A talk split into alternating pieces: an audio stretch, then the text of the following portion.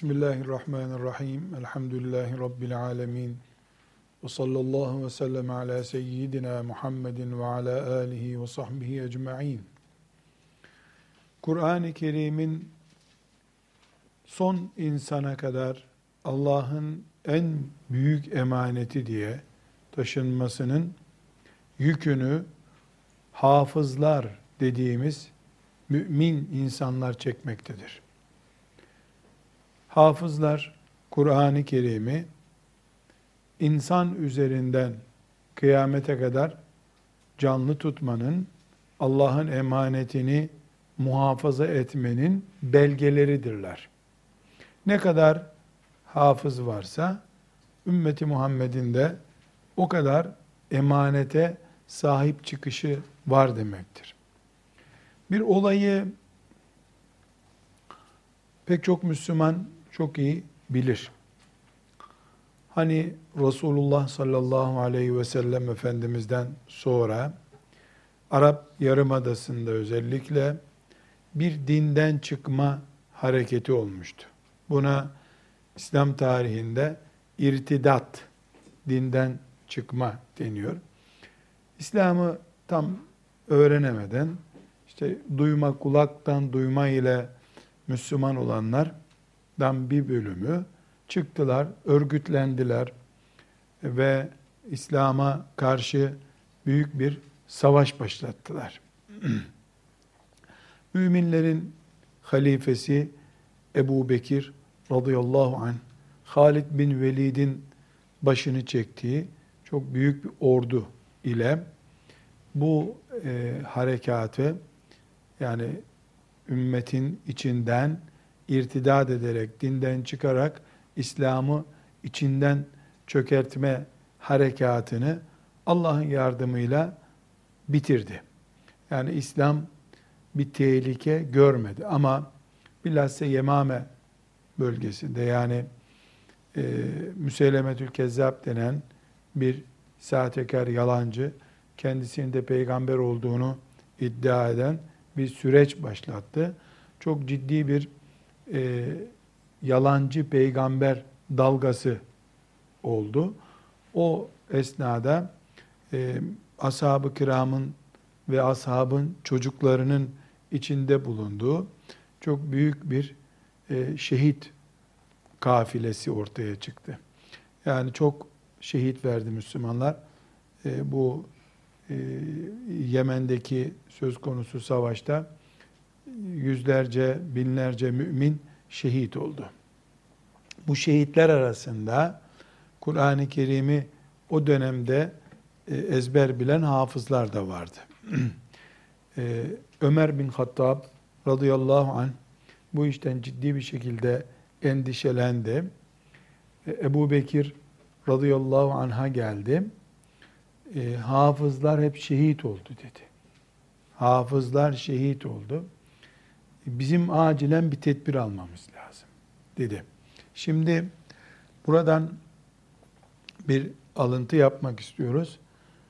Ortada İslam'ı e, silahla yıkmaya çalışan bir hareket var. İslam dinini içinden çökertmek istiyor, silahla saldırıyor. Birisi çıkmış ben de peygamberim demiş. Ee, ona karşı bir savaş yapılıyor. Ee, kuzeyden de e, Bizans, Roma sıkıştırmaya başlamış. Ee, daha doğuda İran İslam'ı sıkıştırıyor. Güneyde de Arap Yarımadası'nda da iç fitneler, kargaşalar başlamış. Yani Efendimiz sallallahu aleyhi ve sellem'den sonra böyle bir kaos ortamı Ebu Bekir radıyallahu anh'ın da hilafetinin ilk ayında böyle bir orman yangını gibi e, yani yazın orman yangınları oluyor ya onun gibi bir yangın gibi her yerden bir fitne çıktı. Mekke, Taif, Medine. Bu üç yerde fitne olmadı. Yani dinden çıkış fitne. Mekke, Taif, Medine'nin dışında e, yeni Müslüman olmuş yerlerde ya topluca isyanlar yapıldı ya da ağırlıklı, nüfusun ağırlıklı bölümünün katıldığı isyanlar yapıldı. Çok büyük bir fitne yani böyle e, vahşetini, ürkütücülüğünü anlatmak çok zor bunun. Hatta e, Ebu Bekir radıyallahu anh'ın e, meşhur bir sözü vardır. O sözden o günkü bu vahşetin ne kadar ağır olduğu, iç isyanın ve orman yangını gibi her tarafı kuşatan bu ateşin ne kadar büyük olduğunu anlatmak bakımından e, önemli bir örnek. Diyor ki hani çok ordu saldın sağa sola. Oraya bir ordu, oraya bir ordu. Ebu Bekir radıyallahu anh'ın hilafet dönemi yani Resulullah sallallahu aleyhi ve sellem'den sonra iki yıl iki ay kadar bir yani 26 ay kaldı hilafet görevinde. 14 ayrı bölgede savaş yapıldı. Bu demektir ki hemen hemen her iki ayda bir bir savaş bitirilmiş. Şimdiki gibi öyle füze göndererek yapılmıyor savaş tabi. Ordu çıkıyor, bir defa 30 gün, 40 gün yol alıyor. Ondan sonra e, bir ay, 20 gün ne kadarsa savaş yapılıyor. Oradan geliyor, öbür tarafa gidiyor. Arap Yarımadası gibi büyük bir bölge. 14 savaş muhteşem bir şey. Ee, burada o günün ne kadar çetin günler geçirdiğini Allah onlardan razı olsun. Şehitlerine Allah rahmet eylesin ashabın. Ee, yani Ebu Bekir'e çok fazla açıldık ee, dediklerinde diyor ki Medine'de beni kurtlar yiyecek olsa yalnızlıktan yine bu cihat yapılacak diyor. Demek ki ne kadar ileri gitmiş ki hareket, yani tehlike ne kadar büyümüş ki Medine'de nüfus gidecek, boşalacak, herkes orduya katılacak, kurtlar Medine'ye inecekler. Şehre kurt iner mi? Nüfus tamamen boşalınca iner şehre. O kadar büyük bir vahşet ve o kadar büyük bir katliam söz konusu. Şimdi konumuz e, buradan başka bir alıntı çıkaracağız. Burada işte İslam bu kadar tehlikeli. Yani Ebu Bekir ümmetin başı Allah ondan razı olsun. Medine'de kurtların Medine'yi istila edemesinden korkuyor. Yani tehlike olarak kurtlar Medine'ye gelecek. O kadar büyük saldırı var. Ömer gelmiş Ebu Bekir'e ne diyor? Asıl e, değerlendirme yapacağımız bölüm bu. İslam gidiyor, hafızlar şehit oldu diyor. Yemame'de hafızlar şehit oldu diyor. Bunun üzerine hafızlar şehit oldu haberi üzerine Ebu Bekir radıyallahu anh da işte meşhur Zeyd bin Sabit radıyallahu anh'ı çağırıyor. Bir komisyon kurduruyor. Kur'an-ı Kerim hafızlar ölürse bari kaybolmasın elimizden Kur'an diye e, daha önce dağınık yerlerde deri, kemik, tahta parçalarına yazılmış olan Kur'an ayetlerini toplayıp bir musaf haline getiriyorlar. Allah onlardan razı olsun. Buradan ne çıkarmak istiyoruz? Demek ki Allah'ın rızasına göre yaşamış olan ve bu ümmetin en güzel e, insanları olan ashab-ı kiramın anlayışında hafız olmak İslam'ın varoluşunun belgesi hafızlar kaybedilecek olsa İslam kaybedildi. Bu şekilde anlamışlar. Şimdi e, daha önce de bunu konuşmuştuk. Şöyle bir e, soru akla gelebilir. E, yahut da böyle bir itiraz da olabilir. Yahu kağıtlarda, kitaplarda yazılı, dijital ortamda korunma altında yüzlerce hafızın okuduğu Kur'an tecvidiyle, her şeyiyle e, dijital sistemde var, cep telefonlarında bile var artık. İnternet ortamında var. Doğru, var. İnternet, MP3, MP4, cep telefonu insan değil. İnsan değil. Öyle Orhun abidelerinin hatıratı da var. Öyle filan yerdeki bir müzede filan zamandan kalmış bir hatıra da var. İnsan değil bu. Kur'an insanın kitabı. İslam insana inmiş bir dindir. İnsan üzerinde canlı, aktif bir şekilde durduğu sürece Kur'an'ın varlığından söz edilebilir. Öyle Mekke'de bir kağıt parçası bulunmuş. O kağıtta işte filan halife zamanında yazılmış e, Kur'an ayetleri varmış. Bu Allah'ın insana indirdiği Kur'an'ın hala ayakta olduğunun belgesi değildir. İnsanlar başından sonuna kadar Fatiha-i Şerife'den Nas suresine kadar tamamını kafalarında saklayıp devletlerinde uyguladıkları, bankalarını ona göre tanzim ettikleri, bakkallarında ona göre alışveriş yaptıkları sürece Allah'ın kitabı Kur'an yaşıyor demektir. Mucize devam ediyor demektir. Çünkü Allah inna nahnu nezzelne zikra ve inna lehu lehafizun. Biz indirdik, biz koruyacağız diyor ama insanın kitabını insanın üzerinde koruyacak Allah. Dijital sisteme, MP4'lere falan gerek yok ki levh-i mahfuzda var zaten. Levh-i mahfuzdan daha iyi sağ, sağlam saklayacak hali yok e, dijital sistemin bunu. Ama insana inmiş bir kitap insan üzerinde canlı olduğu zaman insanlar Allah'ın kitabını gördüklerinde tazim ve tebcil içinde ayağa kalkıyorlarsa, Kur'an'ın okunduğu yerde doğru söyledi Rabbimiz, sadakallahul azim diyebiliyorlarsa, eh İslam bu, Kur'an'ın canlı, mucize olarak kalışının belgesi de bu demektir. Bütün bunlardan şu sonucu çıkarmak istiyoruz. Bir toplum, İslam toplumu, ezanlarıyla namazın ayakta kaldığını belgeler. Hac iştiyakıyla, kıbleye yönelmekle Kabe'nin heyecanını simgeler. Tesettürle, nikahla, insanlarda iffetin, namusun devam ettiğini belgeler. Hafızlarıyla da Kur'an'ın kitapları olarak devam ettiğini belgelerler. Müzelerdeki veya internet ortamındaki Kur'an hafızlar gibi belge olamaz. Neden? İsrail'deki internet merkezinde de basınca tuşlara hafız çıkıyor. Veya Rusya'daki bir müzede de Kur'an-ı Kerim yazma nussaları var. Nitekim ne kadar doğru olduğunu bilmiyorum. Hep böyle söyleniyor ama kendim görmedim. Hazreti Osman radıyallahu anh dönemindeki el yazması Kur'anlardan bir tanesi Rusya'da şu anda. Rusya'da bir müzede Kur'an-ı Kerim bulunması, hatta Osman bin Affan radıyallahu anh döneminde yazılan Musaf'ın orada olması, İslam adına bir kazanç mı? Bilakis kayıp üstelik. Musaf bile hala orada.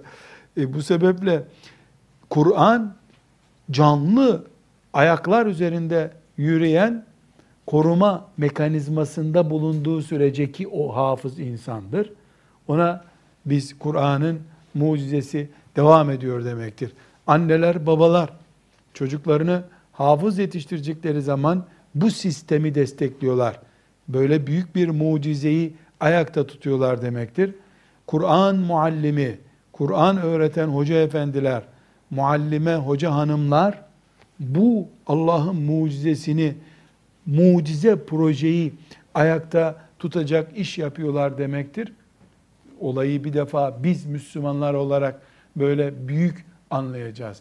Bunun için daha önceki derslerimizde de vurgulamıştık.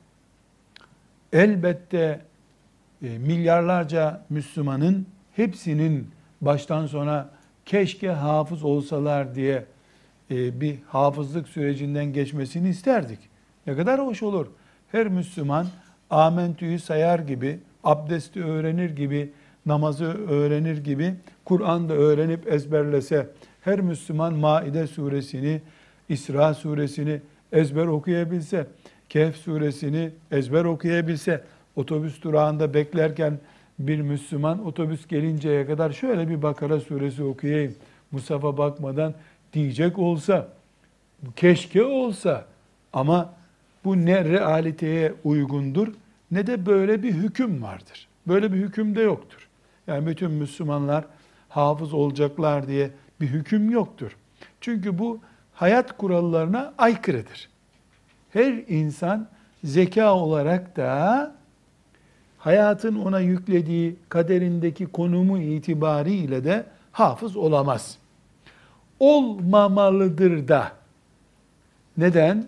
Çünkü hafızlık üç günde yapılabilen, bir kaplıcıya gidip orada iki haftada yapılabilen bir iş değildir. Hafızlık yıllar isteyen ve sonra da korunması gereken bir eğitimle ancak elde edilebiliyor. Bu sebeple artık Müslümanlar filan zulüm döneminde Kur'an elden gidiyordu. Hiç kimseye Kur'an öğretilmedi. Hemen her Müslüman çocuğunu hafız yapsın dedikleri dönemde değildirler. Kur'an-ı Kerim'i ezberleyebilecek kapasitedeki gençlere hafızlık yaptırılmalıdır. Ve bu yaptırma esnasında iki şeye dikkat edilmelidir. Birincisi kapasite olarak ezberleme ve ezberini muhafaza etme yeteneği olup olmadığı çocukta tespit edilmelidir. Buna örnekler vereceğim. İkinci olarak da daha sonra hafızlığını muhafaza edecek bir ortamda kalacak e, bir genç hafız yapılmalıdır. Yani hafız olacak, ondan sonra da inşaatlarda çalışacak, müteahhitlik yapacak ama hafızlığını hayatının bir hatırası olarak sadece yani Umre'ye gitmiştik de Umre'de bir Afrikalı hacı amca görmüştük der gibi ben de 14 yaşındayken iki sene hafızlık diye bir süreç geçirdim. İşte şimdi nerede o hafızlık? E orada kursta kaldı. E, ne yaptın sen? Hafızlık yaptım. Yanlış bir şey bu. Bir kere hafızlık en asgari 8 ay sürer.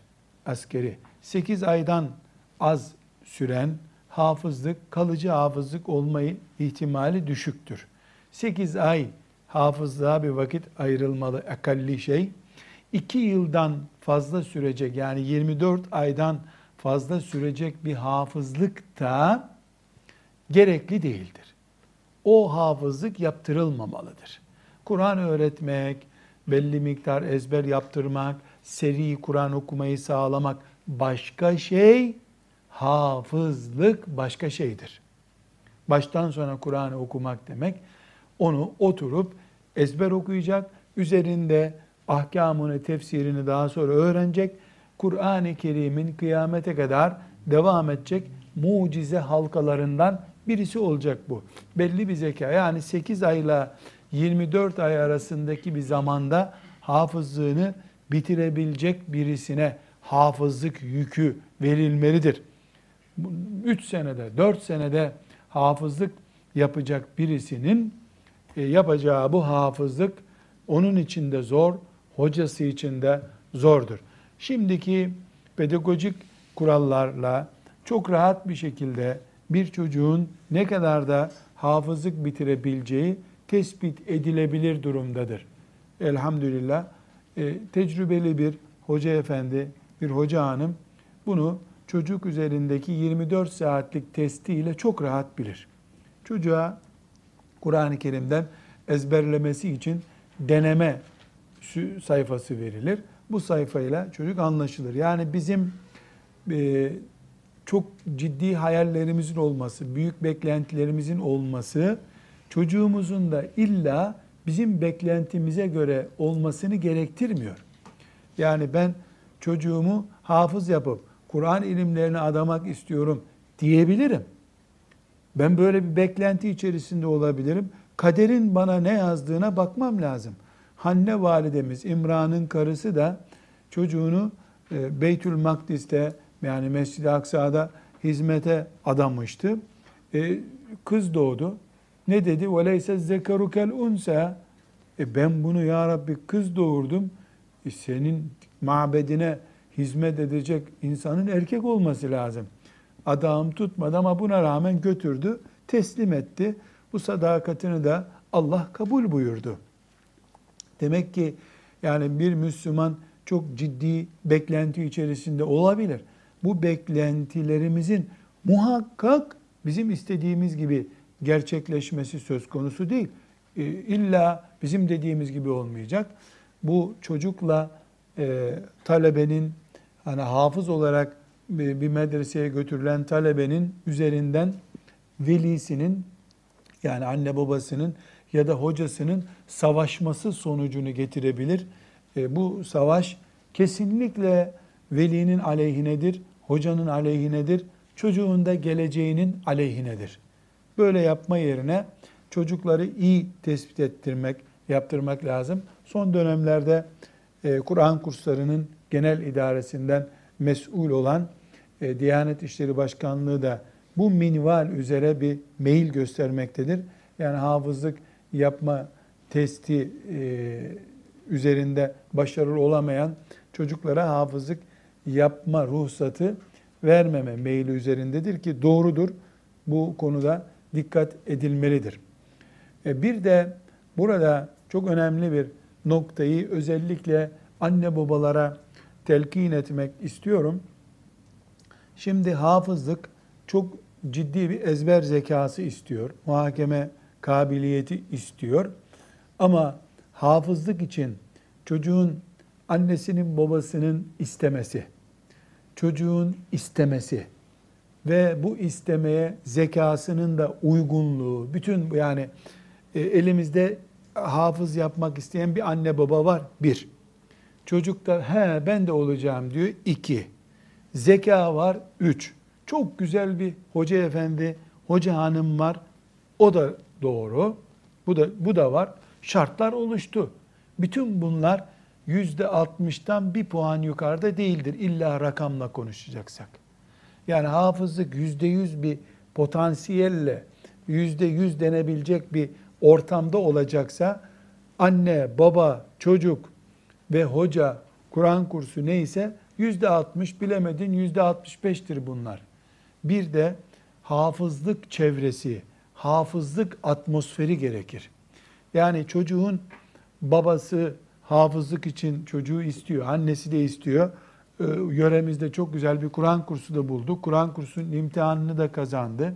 Bu çocuğu ya hayattan tecrid edip kimseyle bağlantı kurmadığı e, bir tür hapse girdiği bir iki sene içerisinde hafızlık yaptıracağız. Bu sefer çocuğun şahsiyetinden, kimliğinden taviz vermiş olacağız.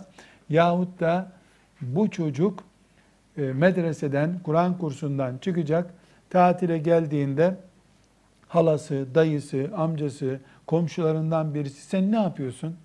Ne olacaksın şimdi? Fen lisesine girebilecek mi oradan? İşte sonra memur olabiliyor musun? İşte SBS puanına etkisi var mı? Şuna etkisi var mı? İşte orada dövdüler mi seni? Hafızlık yapanı öldürüyorlarmış, seni öldürdüler mi?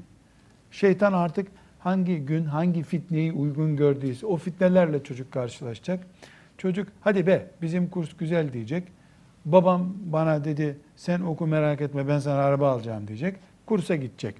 Görünürde zayiatsız atlattık gibi görünüyor. Öbür hafta gelecek dayısının çocuğuna bakacak. Dayısının çocuğu tatile gitmiş. Okullar filan bayram tatili tatile gitmiş. E, bu hocası buna gel oğlum ders var. Hafızlık öyle zırt pırt tatil yapmaya uygun bir şey değil. Yani 10 ayda yapacak, 20 ayda ne kadar da yapacaksa Kurban Bayramı, Ramazan Bayramı'nda birer gün, ikişer gün o kadar. Hafız tatil yaparsa soğur. Soğuyunca hep yeniden başlar. Yeniden başlayınca süre uzar. Süre uzadı mı da hafızlık bitmez. Bitmeyince soğur. Dolayısıyla Kur'an hafızlarına tatil verilmez. Yaz tatil de verilmez. Verilmemesi de gerekiyor. 12, 13, 14 ayda bilemedin hafızlığını yapar. Ondan sonra rahat eder çocuk. Çocuk bakacak ki ya bizim teyze çocuğu kuzenim tatile gitti. Komşular tatile gitti. Bizim zindan hayatı bitmedi. Neyse ben hafız olacağım diyecek. Geri gidecek. Öbür hafta izine gelecek.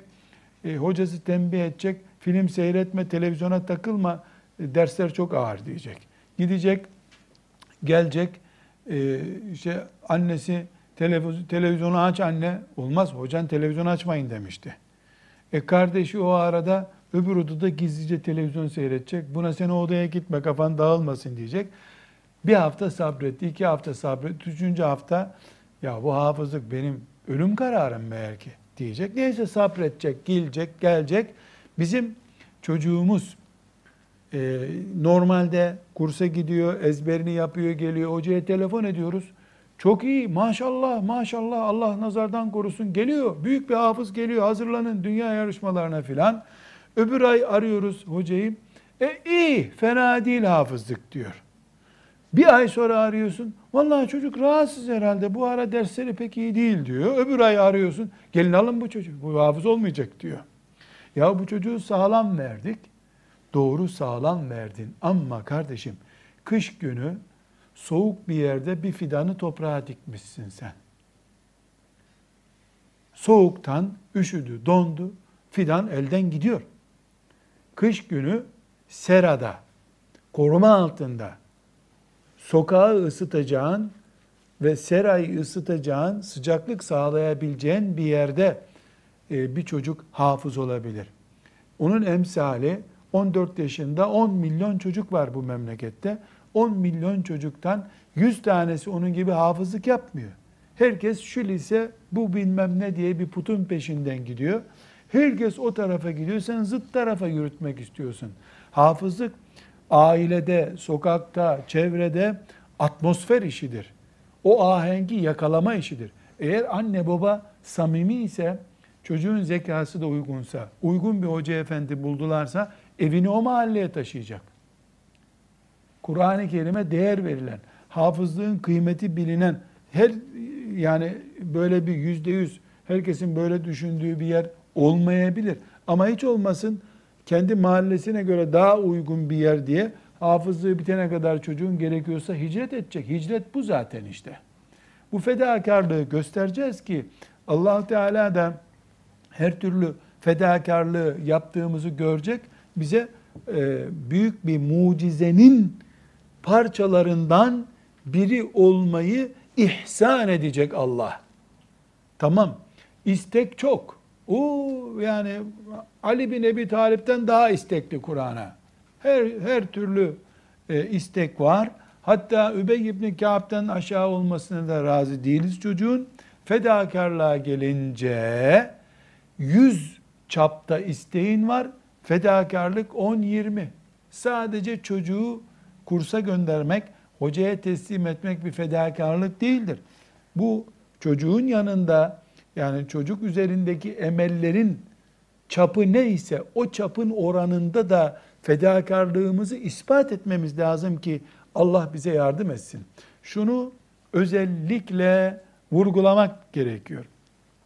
Hafızlık dediğimiz şey Kur'an-ı Kerim'in insan üzerindeki mucizesinin tahakkuk etmesidir. Bu çok büyük bir mucizedir. Bu kadar büyük bir mucizeyi şeytan her şeyin emrinde olduğu bir zamanda ne yapayım madem istediniz size hafızlık bari yaptırın hafızlık bu çocuğu diye salar mı acaba? Niye şeytan sabah namazında daha fazla meşgul ediyor insanları? Çünkü sabah namazı değer olarak, kıymet olarak öbürlerinden daha büyük olduğu için şeytanın sabah namazının kılınmaması yönündeki yatırımı da daha fazla. E, hafızlık sıradan bir Kur'an okumak gibi değil. Hafızlık çok büyük bir yatırım. Mucize bu. Bu ümmeti Muhammed'in en şerefli insanı olmak demek. Ümmeti Muhammed'in umudu olmak demek. Kıyamete kadar başında peygamber sallallahu aleyhi ve sellem Efendimizin bulunduğu bir listede bulunmak demek. Annesinin babasının cennet e, kıymeti, cennet gibi bir kıymete sahip olması demek. Annesine babasına kıyamet günü giydirilecek taç yani başına hafız babası diye giydirilecek tacı söz ediyor Efendimiz sallallahu aleyhi ve sellem. Yani e, o bile kendisinin değil, babasının başına, annesinin başına giydirilecek taç bile cennette onu farklı hale getirecek, peygamberler gibi karşılanacak. Ee, bu kadar büyük yükün elbette şeytan cephesinden bakıldığında da muhakkak işkencesi ağır olmalıdır. Buna dikkat ederek çocukların hafızlığı üzerinde yatırım yapılmalıdır. Ve sallallahu ve sellem ala seyyidina Muhammed ve ala alihi ve sahbihi ecma'in velhamdülillahi rabbil alemin.